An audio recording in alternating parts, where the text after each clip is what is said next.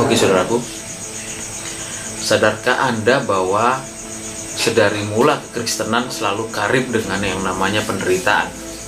Yes. Coba Anda baca Alkitab. Sejarah kekristenan terbentuknya suatu umat yang percaya kepada Kristus dari masa ke masa. Sepertinya penderitaan itu adalah kawan karib kita namun, kita diajar menggunakan cara pandang Tuhan, menganggap bahwa penderitaan adalah latihan iman kita. Seberapa pantas kita memegang ajaran yang diwariskan turun-temurun melewati berbagai masa, namun tetap kokoh berdiri sampai saat ini. Hanya saja, orang Kristen zaman ini sedang asik dibuai dengan kenyamanan ya yang entah bermula dari kapan itu. Saya nggak tahu. Jadi agak belok-belok dikit gitu. Dan lupa bahwa kekristenan berbicara tentang iman dan mengerjakan kehendak Allah. Jadi banyak orang yang statusnya memang Kristen namun keseharian mirip-mirip Indiana Jones gitu. Tukang cari harta. Nggak ada beda dengan orang luaran. Apakah ini pengaruh zaman atau memang gara-gara jualan orang-orang tertentu ya supaya laku? Soalnya kalau anda baca firman dari kejadian sampai wahyu ya agak berbeda lah ajarannya. Dan banyak yang mengajar melenceng-melenceng gitu. Sering gak ada hubungannya sama kata Tuhan bahkan.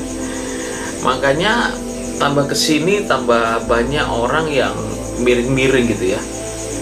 Apa karena sukanya comot-comot ayat agar sesuai dengan tujuannya terus dihubung-hubungkan begitu? Supaya nyambung dengan tujuannya tadi.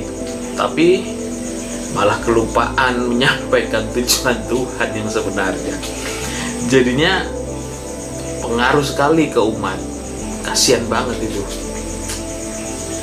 Jadi seharusnya ya kita lah yang sebagai umat yang juga sama-sama mau belajar akan firman supaya nggak ikut terseret. Supaya juga kita tahu mana yang benar dan mana yang salah. Tuhan pasti akan memberikan hikmat dan pengertian yang benar kok bagi kita yang mencari kehendak Tuhan dengan sungguh-sungguh. Dan firmannya berkata seperti mencari harta yang terpendam. Ya juga mirip-mirip kayak Indiana Jones, tapi tujuan pencariannya berbeda.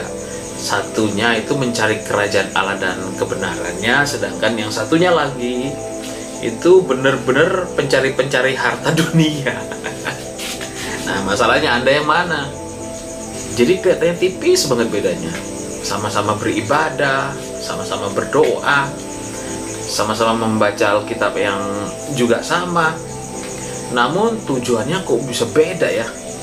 Seram sekali itu. Saya beri contoh saja.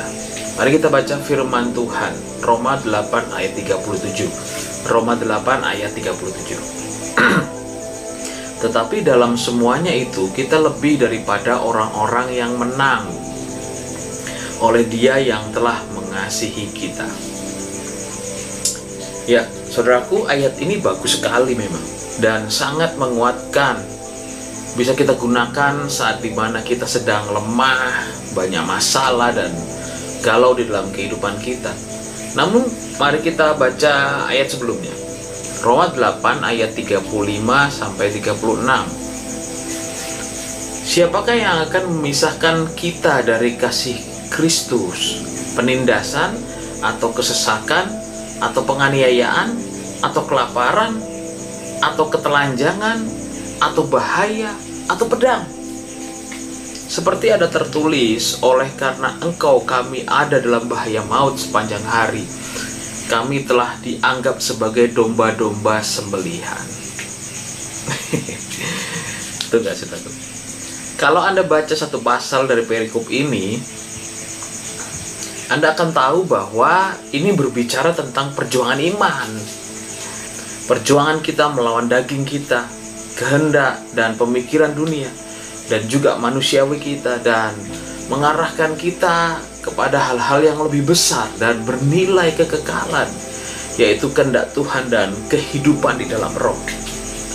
Betapa susahnya kehidupan melawan daging dan memegang teguh iman sehingga memerlukan kasih karunia Kristus untuk bisa menang. Itu yang dibahas dari satu pasal ini saudaraku. Pahamkah saudaraku bahwa banyak yang comot ayat ini untuk menguatkan hati agar supaya keinginannya tercapai. Bahasanya rohani namun ujungnya berbeda. Saudara kita harus mengenal Tuhan.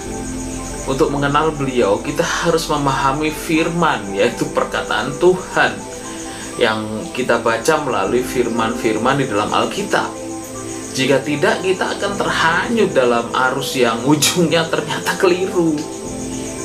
Mari kita bijaksana dan belajar untuk cerdas dalam kita berjalan, agar kita tidak salah. Ingat, kita ditebus dan mengerjakan kehendak Tuhan, bukan mengerjakan keinginan kita, sembari menikmati kebebasan kita dalam penebusan. Itu namanya ditebus agar kita bisa hidup semaunya sendiri Bukan itu yang jadi maksud Tuhan tentunya. Semoga firman Tuhan menghancurkan benteng-benteng pemikiran yang salah dalam hidup kita. Tuhan Yesus memberkati.